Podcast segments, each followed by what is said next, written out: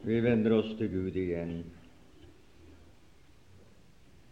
Fader i det høye, vi priser deg i Jesu navn, at vi får lov å være her og tro oss frelst på blodets grunn. Så mange som har tatt imot deg.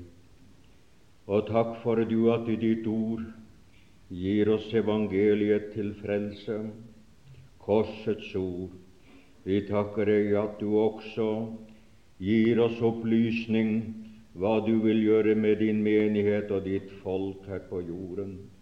Men du kommer også med advarselsord til de folk og til de mennesker som har vendt seg bort fra deg. Du vil jo at alle mennesker skal bli frelst, men dem som ikke blir frelst, det forkynner du hvor de skal gå. Du er sannhetens Gud og har gitt oss Den hellige ånd til at Han skal veilede oss i sannheten og hjelpe oss i denne stund at vi må lytte til Ditt ord, og det må bli oss til hjelp, til veiledning, til visshet om at du taler sant i alt. Vi takker deg for at det er så. I Jesu navn. Amen. Nå skal jeg lese to avsnitt på dere. Vi vet at emnet i kveld, det er araberne og israeliendens tid. Araberen og israeliendens tid. Det første skriftstedet jeg skal lese, finnes i Amos, og det er i det tredje kapittelet, og det er i det syvende vers. Og det lyder slik i Herrens navn. For Herren, Israels Gud, gjør ikke noe uten at Han har åpenbart sine lønnlige råd for sine tjenere, profetene. Gjør ingenting av det skjulte uten at Han har åpenbart det for sine tjenere, profetene. Profetene i den gamle pakt, slik som han åpenbarte det i den nye pakt, og lot apostlene være profeter og gi oss Det nye testamentet. Med Jesus som første profet, med Jesus som siste profet profeten A og profeten Ø. Og så har du hele resten derimellom, Guds budskap til oss. Nå skal vi så lese bare en liten del. Jeg kunne lest en hel del om araberne, men noe skal jeg nevne. Men nå skal jeg lese om noe hva han hadde åpenbart for en av sine profeter. Det var David. Og det er en salme og det er den 83, og denne salme angår araberne. Og vi leser en del av den. Jo. Ja, jeg sa David, men det er Asaf, og han var også en profet. En, sang, en salme av Asaf. Gud, tie ikke, vær ikke stille og hold det ikke rolig, Gud. For se, dine fiender larmer, og det som hater deg, løfter hodet. Mot ditt folk legger det med svik hemmelige råd, og det råd slår mot dem du verner. Det sier, Kom, la oss utslette dem, så de ikke mer er et folk, og Israels navn skal ikke mere kommes i hu. Det er omtrent som å lese av dagspressen. Ja, det er just det det er.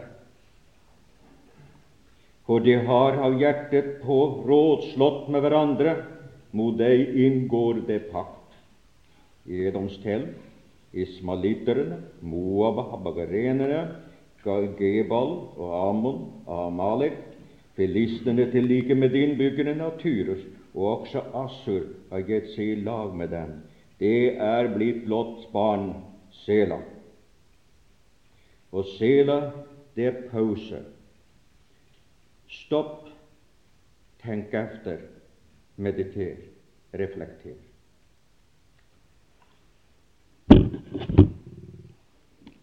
Araberne og Israel. Østens problem, det er striden eh, mellom araberne og Israel. Og det som gjelder, det er spørsmålet hvem har rett til landet? Der er hele konflikten. Hvem har rett til landet? Israel sier det har vi. Det samme sier araberne. Eiendomsrett. Og store maktene vil tvinge igjennom grenser som ikke er holdbare. Bare Bibelens Gud forteller oss hvor grensene skal være. Og der er omtalt tre forskjellige ganger grenseforandringer. Men det endelige, slik som det skal være i tusenårsriket Men det er Herren som har omtalt det. Og det er bare Kristus som kan skape fred i Midtøsten, så vel som å skape fred i verden. Det menneskene forsøker å stable på benene, vil aldri holde, og det vil vi få kommer til å oppleve hvis ikke Herren henter sin menighet. Emnet krever at vi omtaler flere ting, eller påpeker flere ting. For det første hvem er arabere? For det annet det hvorfor er det så fiendtlig innstilt overfor Israel?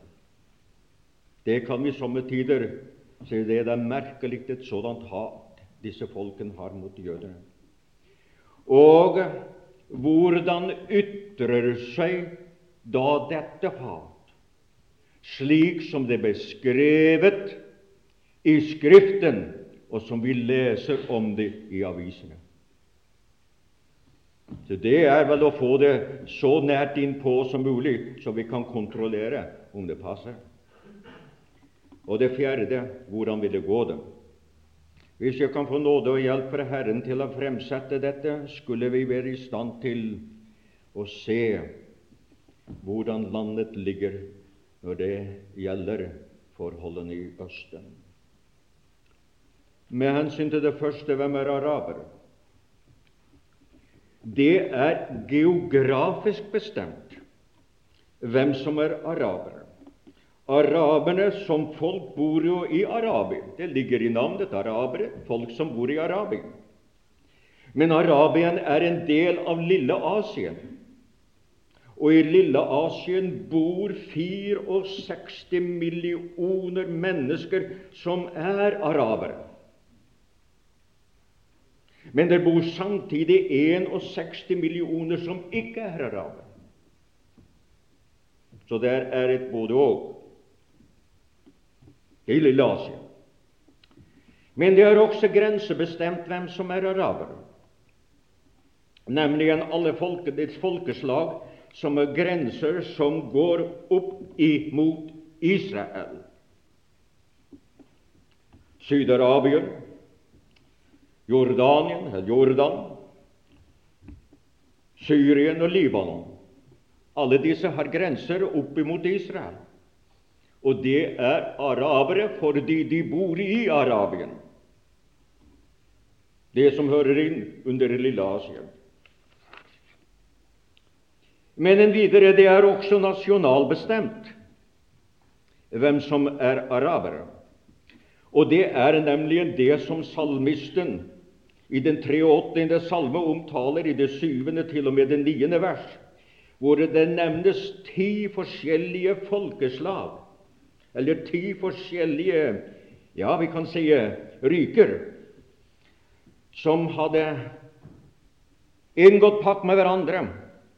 Og pakten var at de skulle tilintetgjøre Israel. Og det er som Sauer sier tror han har rett i det at det profetiske ord gjentar seg, historien gjentar seg, og at det er somme tider at det, blir, det går i oppfyllelse først en, en lokal datidshistorie, så en mer fremtidshistorie, historisk oppfyllelse, og så en endetidsoppfyllelse. Disse rikerne ble beseiret av David.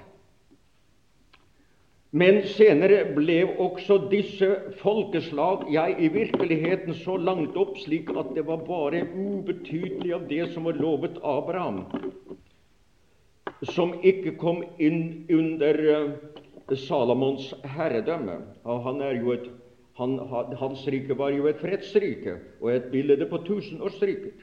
Men det som her er for det først en lokal oppfyllelse, og dernest en endetidsoppfyllelse som hører til just vår tid. En visere det er også rasemessig bestemt hvem som var araber. Nesten alle arabere har Abraham til stamfar. Var ikke det merkelig? Nesten alle araberne har, eller i det minste mange av dem, har Abraham til stamfar. Det var jo en påstand. En påstand krever å bli bevist og det skal jeg prøve å gjøre. Og således er araberne i slekt med jødene. Men det er ofte slik at frende er frende verst. Abraham, Araberne har Abraham som stamfar, med Ismael, med Ismael.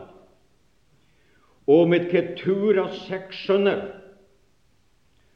og ved Isak, Esau, Jakobs eller Esaus uh, Isaks sønn, og med Laban indirekte. Alle disse som er jøder, har både Abraham, Isak og Jakob til stamfar. Og derfor er de israelere er Israels folk. De er Jakobs avkom. Og som Jakobs avkom så er de dem som har løftet. Abraham, Isak og Jakob som stamfar. Ingen av araberne har Jakob til stamfar. Ingen av dem. Og derfor er de heller ikke Isak. Og Abraham, sønn Ismael, med trellkvinnen Hagar og hennes ett. De er arabere. Men det ble sagt at trellkvinnen skulle ikke arve. Det var sønnen som skulle arve. Den første fødte ved Is, det var Isak som skulle arve. Og hans kom gjennom Jakob. Det var ham som skulle arve. Så der ser vi at det er en lov ikke alene blant Israel, men den førstefødte er den som har arveretten. Og det var det også her. Det er når det gjelder f.eks. Eh, Hagars avkom, Ismael, så ble oppstod det ikke mindre enn tolv stammehøvdinger som kall av fra den ismaelittiske slekter omtalt i første Mosebok i det 25. kapittel fra 12 til 18. Araberne som bor, og disse bor i syd for Israel. Der bor Esaus, eller Ismaels avkom i den sydlige del, kan vi si, syd for eh, Det døde hav. Abrahams seks sønner med Ketura er også arabere, og de er omtalt i um, Første Mosebok, til 25. Mm, kapittel og vers 1-7. Og de dro både Esau og Ismael de drog øst. Abraham sendte dem østover. Han ga dem ikke arvelott, men han ga dem gaver. sendte dem østover, og de skulle bo østen for sine brødre. Og eh, Keturas sønner eh, finner vi igjen i navnet. De, nevnt, de dro nemlig så langt østover som helt til den persiske bukt. Og man finner disse folkene der fra Kuwait og så helt ned til Jemen, i den sydligste spiss ut av, av uh, den uh, Sinai-halvøyen. Så, var forholdene der. Det er mange av disse som nå er oljesjeiker. Mange av disse områder hører med til de rikeste områder på jorden, som for 50 år siden bare hadde dadler å selge. Og hvis de ville kjøpe en kamel, så kunne de få det, med noe annet eide de ikke. Og nå er det de, de, de, de rikeste folk på jorden. Det heter, jeg tror det er Kuwait eller Baren, hvor folket ikke betaler skatt, og vi kunne nesten si eier var vi der. For det, vi merker nok til det, hvordan det vil si å bli pint og plaget av altfor store skatter. Men det var nå en annen sak. Sådan er forholdene der. Og Lots to sønner med sine to døtre, de er arabere. Det er dem som var, som, det var moabitterne og amoritterne. Og det bodde østen for Det døde hav. Og det er stammer i dag i ørkenen syd for Jordanien, som påstår, eller som hevder, at de har lott til stamfar. Isaks sønn Esau og hans avkom er også arabere, og omtalt i Første Mosebok i det 36. kappet. Og det er kjent nemlig som edomittere. Som edomittere. Meget av Saud-Arabiens beduinere har Esau til stamfar. Både jøder og arabere hører til den semittiske folkerase, altså den gule rase. For Herren har sagt at han skulle være semskurt. Men så kommer også det merkelige, og det at også filisterne er arabere. Filisterne var Israels svorne fiende. Det var et gammelt fiendskap mellom filisterne. Og de bodde på Gazastripen, og den gangen på Davids tid, og ble så da beseiret. Da så Israel i år 70 ble landsforvist Jeg har dette skriftlig, så jeg kan bevise det. Jeg er i stand til å gjøre det. Jeg har det skriftlig. Trygt, vel å merke. Da fikk araberne, eller efilisterne, lov til å bli boende i landet. Og de, altså filistene, har alltid vært Israels verste fiender. Og det er Gaza-araberne som er filistere. Og det er også Palestina, eller Palestina-araberne er filistere som aldri har eid landet selv, men alltid var underlagt andre nasjoner. Det er dem som aldri har hatt eid landet. Historien kan ikke bevise det. De har vært underlagt andre. Ja, det var jo et lite kongerike på Davids tid, sådan, men jeg mener etter det. De har vært underlagt han. Det er de som vil, vil ha landet. Derfor ha Ja, det var altså hvem er araber? Jeg tenker det skulle være nok. kommer vi til det annet som at vi ville prøve å påpeke, og det er hvorfor araberne er så fiendtlig innstilt overfor Israel. Det må jo være en grunn, og det er det. Jeg skal nemlig flere grunner. Der er en, en vantroens grunn til dette hatet. Alle araberne betrakter Abraham og Moses som profeter, eh, men Mohammed som en større profet, vel å merke. Nå kjenner araberne, og det gjør også egypterne, til, til det løftet som var gitt til Abraham, at han skulle få landet. Men så hevder de dette med at en skjønt det står der, så har vi Koranen, og så har vi våre tradisjoner, og de vil ikke bøye seg for Guds ord. Deg har jeg gitt dette land, sa Herren til Abraham. Du skal få bo her.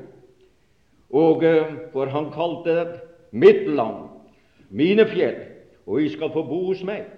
Det var Herrens løfte til Abraham. det. Og eh, det nekter de å ville bøye seg for. Ja, det er en annen grunn hvorfor at de ikke gjør det, som vi kommer senere til. Men det er også en slektsmessig grunn til dette hatet. Vi er Abrahams barn like så meget som jødene er. Og er vi Abrahams barn, så har vi da også rettighet til landet, til ham. For det løftene ble gitt til Abraham, vår stamfar. Og så overser de det som er skikk blant dem selv, og er skikk blant alle folkeslag, at den førstefødte har arveretten. Og eftersom at Amalek, nei, eftersom at uh, Hagars sønn Ismael var født av en trellkvinne, så hadde han ikke arverett. Det var den ektefødte som skulle uh, arve, og det var Isak så er det på grunn av slektskapet de sier vi har like stor rett til å bo i landet som de her, fordi vi har Abraham til stamfar. Men det er også en historisk grunn til dette hatet. De sier annet at vi har i over 2000 år bodd i landet, og helt så å si fra år 70 har vi vært de dominerende på stedet. Det har vært ikke andre folk. Jødene var fordrevet. Vi var igjen. Vi har en hevdvunden rett til å bo i landet. Det er deres påstand. Det er deres påstand. Det er den historiske begrunnelse for et hat, og de sier at jødene har stjålet landet fra oss, en skjønt jødene har kjøpt for dyre penger verdiløst land som ikke kunne fø for før for hundrede hundre år siden kunne ikke landet brødfø mere enn 50 000 beduiner. Og i dag er det millioner som bor der. Og jødene kjøpte det for dyre penger av, eh, av eh, de arabiske fyrster, og flere av dem bodde nede i Egypten. Nå ja, altså, Det var den historiske grunnen for dette hatet. Men så er det et flyktige problem, som ligger til grunn for dette hatet. Mer enn 700 000 arabere flyktet ut av landet, over jorden, ja, i alle retninger, da krigen brøt ut, skjønt jødene sa 'bli', så hadde de fått ordre fra sine ledere flykt ut av landet. Om det var redsel for jødene, eller om det var en politisk baktanke, det tør ikke jeg uttale meg om. Men som følge av dette ble det så meget som 40 000 ledige leiligheter i Israel til alle dem som ønsket, som kom frem, slik at dem som da strømmet inn i landet etter frigjøringen, det hadde bostedet med det samme. Således det er. Araberne, palestina-aramerne, hevder havnet jo i flyktningleiringen i Gaza, i Jordania, i Syrien osv. Og det er arabiske, den arabiske regjering omkring både i, i eh, nord og i øst og i vest som er skyld i dette. For Israel er gang på gang tilbudt å hjelpe folket så at de kunne dyrke opp jorden, ørkentraktene i Jordanien, som har like meget vann som det er i Israel. Men deres fyrster vil ikke hjelpe dem. De vil ikke gjøre det.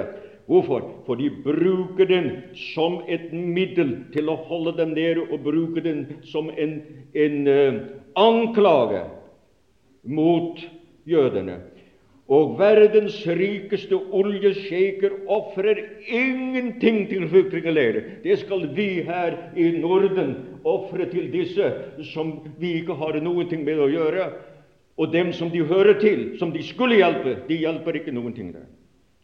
Det er jo bra at det blir hjulpet, men det er fra, det er fra et feil tål. Det skulle være araberne som skulle hjulpet dem, og det gjør dem ikke. Det er altså grunnen.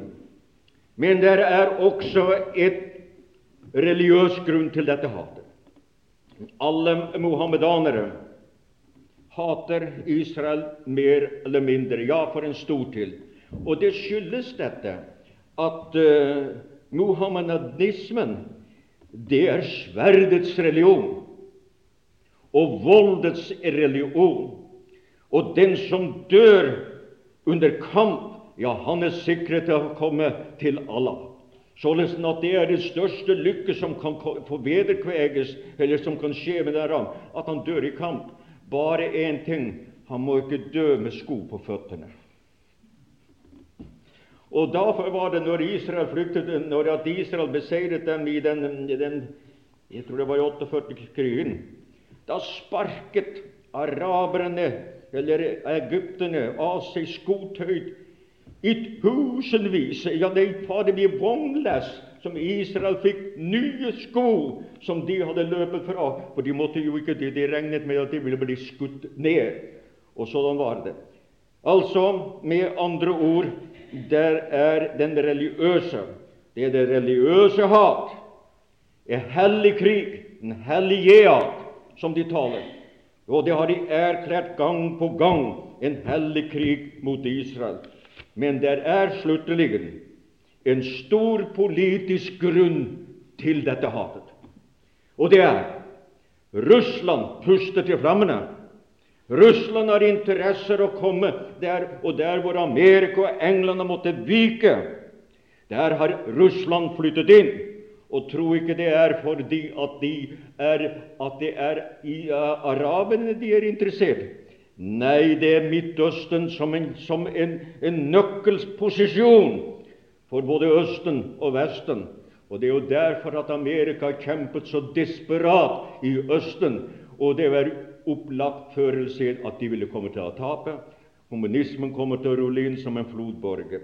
Om de ikke har gjort det enda, så skal de se det kommer til å gjøre. Der var altså noen, der var seks grunner for dette hat. Men hvordan ytrer så arabernes hat seg? Det er flere kapittel i Bibelen bibel som forutsier og beskriver hatet, gjerninger. Og vår tidsaviser viser klart at nå lever vi i oppfyllelsens tid. Og nå skal jeg trekke frem noe ting her.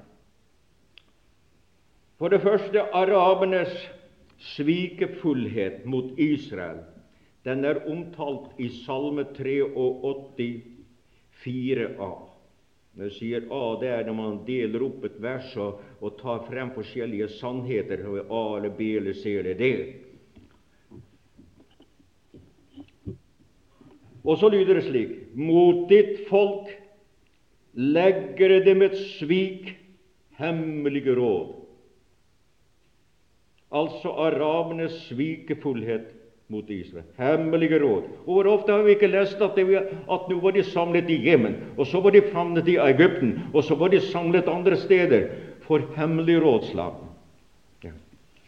Mot ditt folk legger det med et svik hemmelige råd. Avtaler holder de aldri, ikke mer enn russerne gjør det.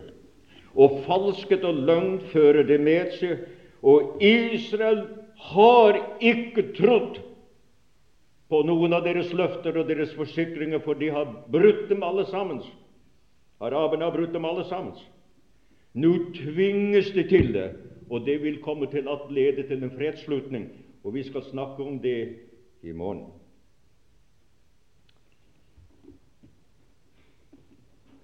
Arabernes alliansepolitikk mot Israel er omtalt i den samme salve og i det samme lenger ned i verset B. Og det råd slår mot dem du elsker. Og Skriften sier tydelig at Herren elsker sitt folk. De er Hans øyensten. Og det er fordi at de er elsket for fedrenes skyld, ikke for sine onde gjerningers skyld. Ja, der har du Og det rådslår mot hverandre. Og så vers 6. For de har av hjertet rådslått med hverandre, og med deg og mot deg inngår de pakt. Nå har de sluttet en pakt som går ut på dette de skal holde sammen til å kverke Israel. De skal, de skal tilintetgjøre dem. Men det er imot Herrens vilje. Og det som er mot Herrens vilje, vil aldri kunne lykkes slik. Araberne og andre muhammedanere har mange, mange ganger forsøkt å komme til en enhet, men først nå, etter Jom Kippur-krigen, er de så å si blitt enige, og det er hatets bånd som binder dem sammen. Deres allianse er imot Herren. For det tredje arabernes utslettelsesplaner mot Israel, også omtalt i den samme salme, men i det femte vers. Kom, la oss utslette dem. Hvor mange ganger har ikke vi lest i avisene at det er det de har talt om? Vi skal utslette Israel. Det står på dagsordenen i dag, mine venner. Kom, la oss utslette dem, så de ikke mer er et folk og Israels navn skal ikke mere kommes i hu. Det er så bokstavelig oppfylt med hensyn til deres planer og deres krigspropaganda at det er det de sikter til. Her omtales flere nasjoner som slår seg sammen for å utslette Israel. Men Herren våker over sitt folk. Og hadde araberne vunnet Jom Kippel-krigen og de andre kriger, så har ikke en eneste israeler overlevd. For det var bestemt ta ikke fenner, drep, drep på fotet. For de skal ut av landet. Det var planen, og er planen.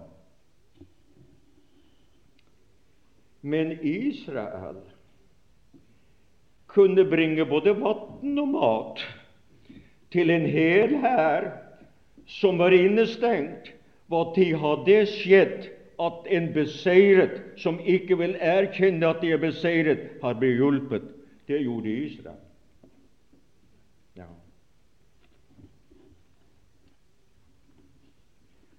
Arabernes sabotasjehandlinger mot Israel er omtalt i Esekiel det 36. kapittel og det tredje vers. Så sier Herren Israels Gud, fordi, ja, fordi det ødelegger og hiker efter at oppsluke eder, så I ikke så I kan bli det andre folks eiendom. Hva sto det nå? Å ødelegge eder. Det er sabotasjehamnene, slik som Arafat og alle de andre gruppene som vi hører til stadig, det er å ødelegge for det, det som er oppslukt. Det er jo så å si tilintetgjort. Det er brakt ut av veien. Det er eh, Han. Å oppsluke det, ødelegge det, det er altså arabernes eh, taktikk, som de fortsetter med. Å oppsluke det, det er å utslette Israel som folk å gjøre Israel til andre folks eiendom, det er å bytte landet. For hvis nå Israel vil si det, så har Libanon kommet seg. 'Jeg skal ha min del av kaka'. Så har Jordanien kommet. Hussein kommet og sa 'Jeg skal ha så meget'. Jeg skal i det minste ha det på vestsiden av Jordan. Og så har også eh, Egypt kommet og sa hele Sina, det skal vi ha. For at vi kunne oppsluke det, for at vi kunne gjøre det til andre folks eiendom. Arabernes hån mot Israel er omtalt i Esekiel i det 36. kapittel i vers 2, men også i vers 4, og jeg skal lese det. For de fienden sier ha-ha. Ja, det er latter, det der. Ha-ha. Det sier man jo når man, man, man ler når det er noen ting som det er riktig. Ha-ha. Det er blitt vår eiendom. Ja, eh, ha-ha. Over eder det evige hauge, det landet.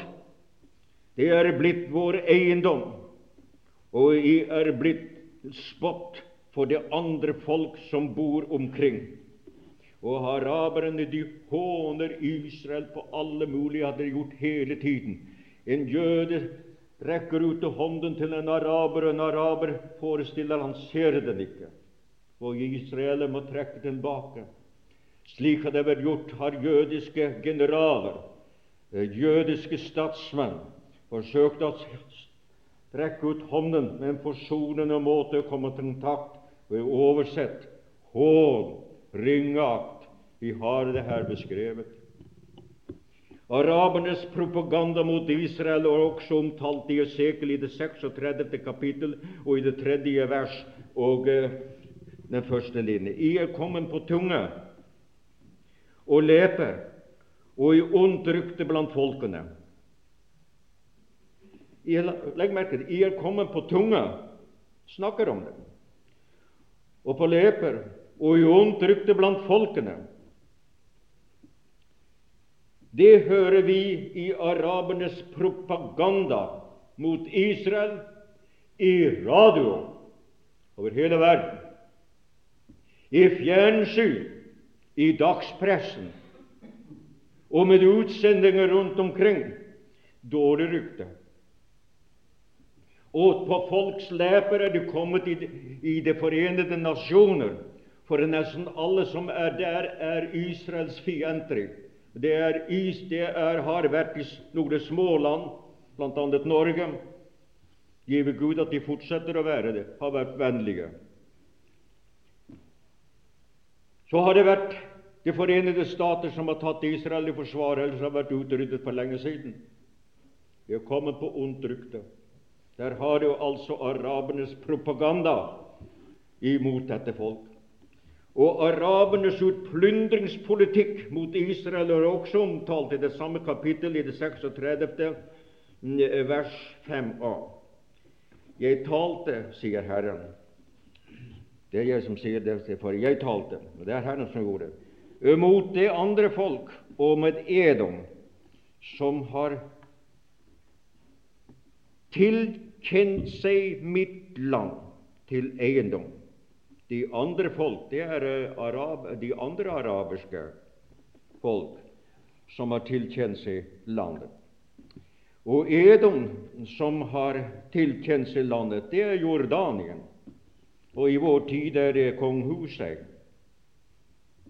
Det er fordi Edom Størstedelen av de tropper, ørken, regimentet som Hussein har, de er av efterkommere av Esau. Det er dem han stoler mest på. De er efterkommere av Esau.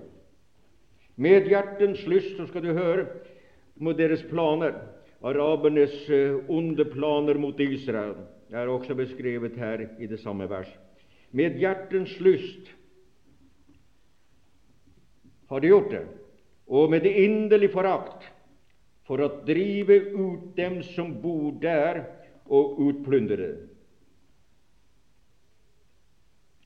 Hensikten er at Israel skal oppgi alt. Nå har de sluttet fred, men stadig vekk kaller det de må tilbake til jeg tror det var 47-krigen.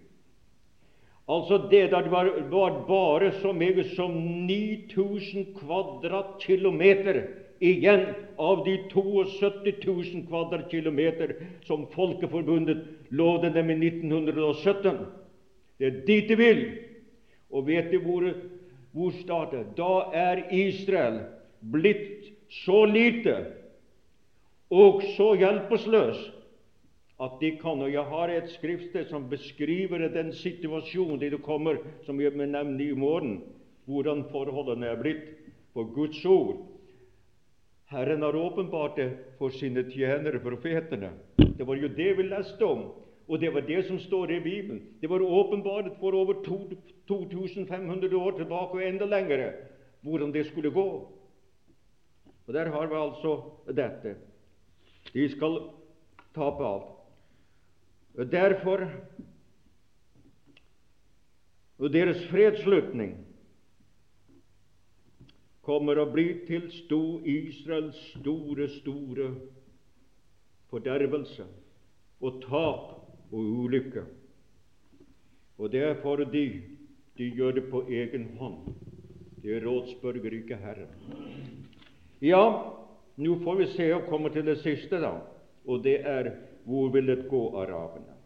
Her har vi Skriften. Jeg påpekte ikke mindre enn åtte ting som Skriften åpenbarer når det med hensyn eh, til arabernes eh, hvordan deres hat mot Israel ytter seg. Herrens ord nevner det, og det er, kan vi lese om og ha lest om hele tiden i dagspressen. Uttrykker ord for ord, faktisk alt slik som de gjør. Hvordan skal det så gå, da? Jo, Egypt vil blive fullstendig knust i 40 år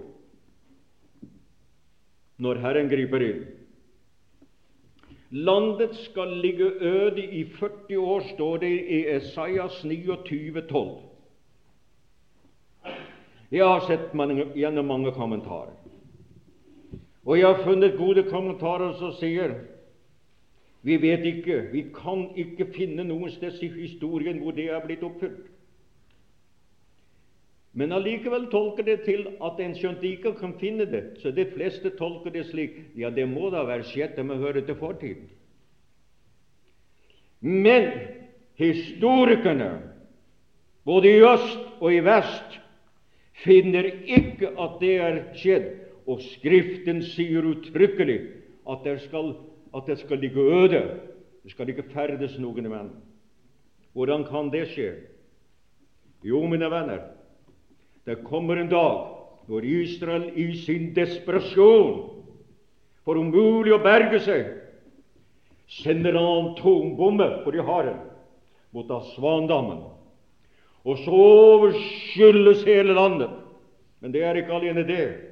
For Skriften omtaler han skal slenge folket som stø opp på fjellene, som stø, Hva er det annet enn rett og slett atombombens resultater?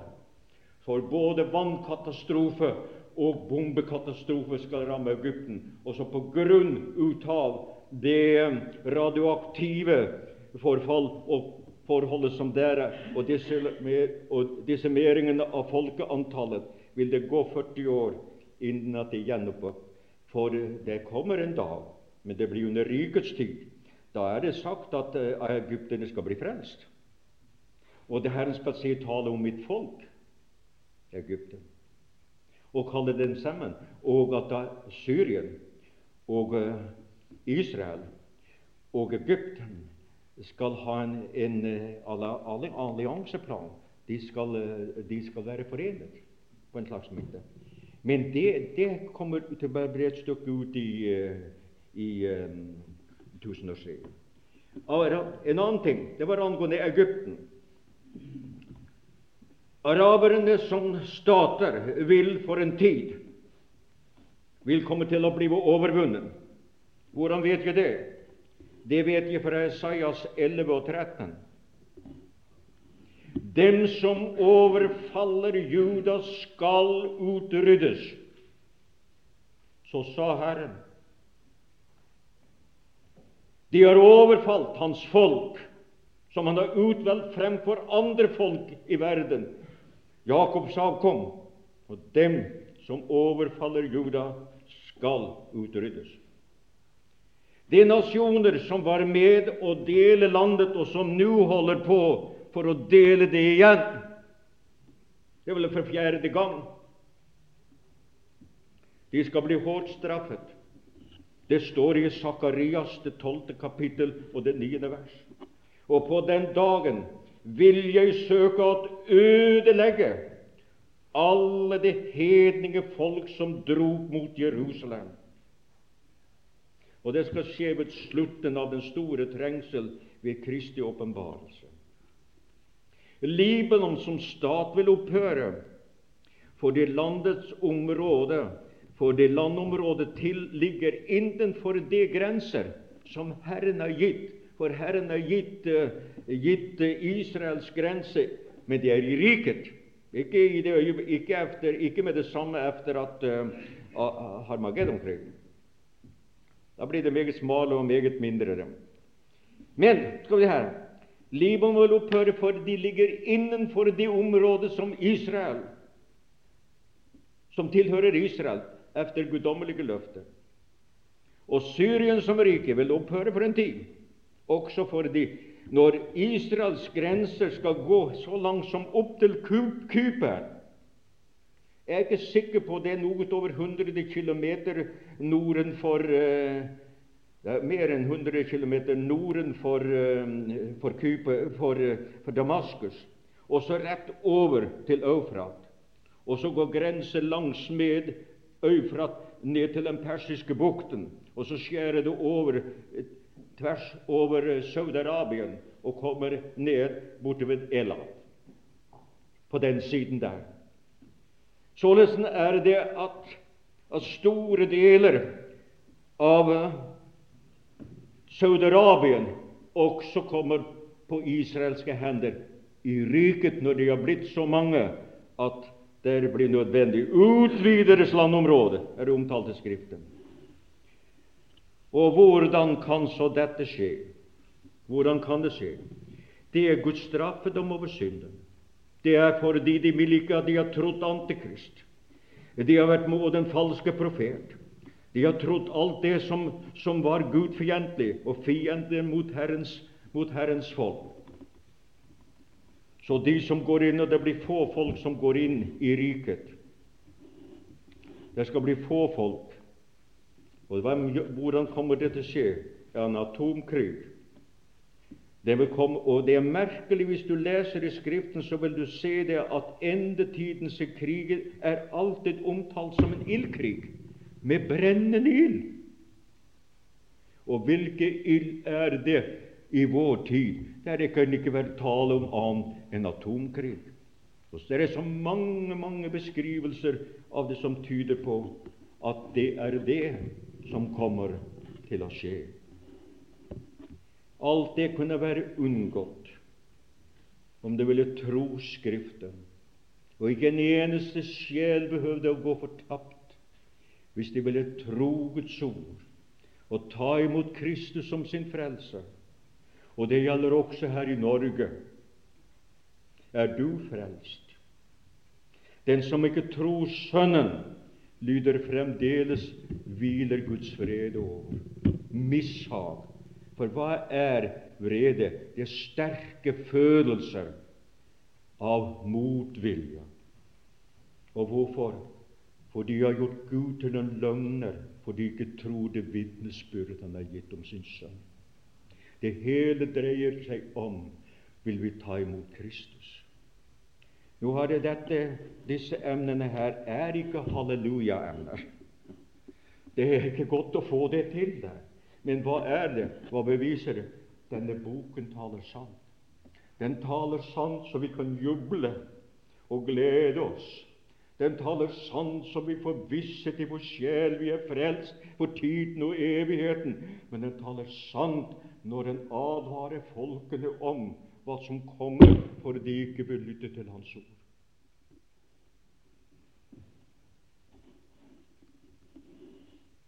Kjære Jesus, vi er ikke glad for å snakke om dette. Det gjør oss ikke godt. Men det gjør det heller ikke deg, for du vil ikke noen synders død, men at de skal omvende seg og leve. Å, Herre Jesus, måtte det ikke være noen her i denne forsamling som står imot din ånd, som ikke tar imot ditt ord, tilbudet om frelse, den ufattelige kjærlighet i Jesus Kristus. Men du har talt sannhet. Du har åpenbart det for lang tid tilbake hvor det skal gå. Og alltid ser vi det skjer bokstavelig, at det som er sagt, blir oppfylt. Så la da din fred og signing hvile over oss alle, at vi tror på den rettferdige Gud, men vi tror også på den hellige og den kjærlige Gud, og at Han er blitt vår Far, for medes Jesus Kristus vår frelse. Takk derfor, o Gud, i Jesu navn. Amen.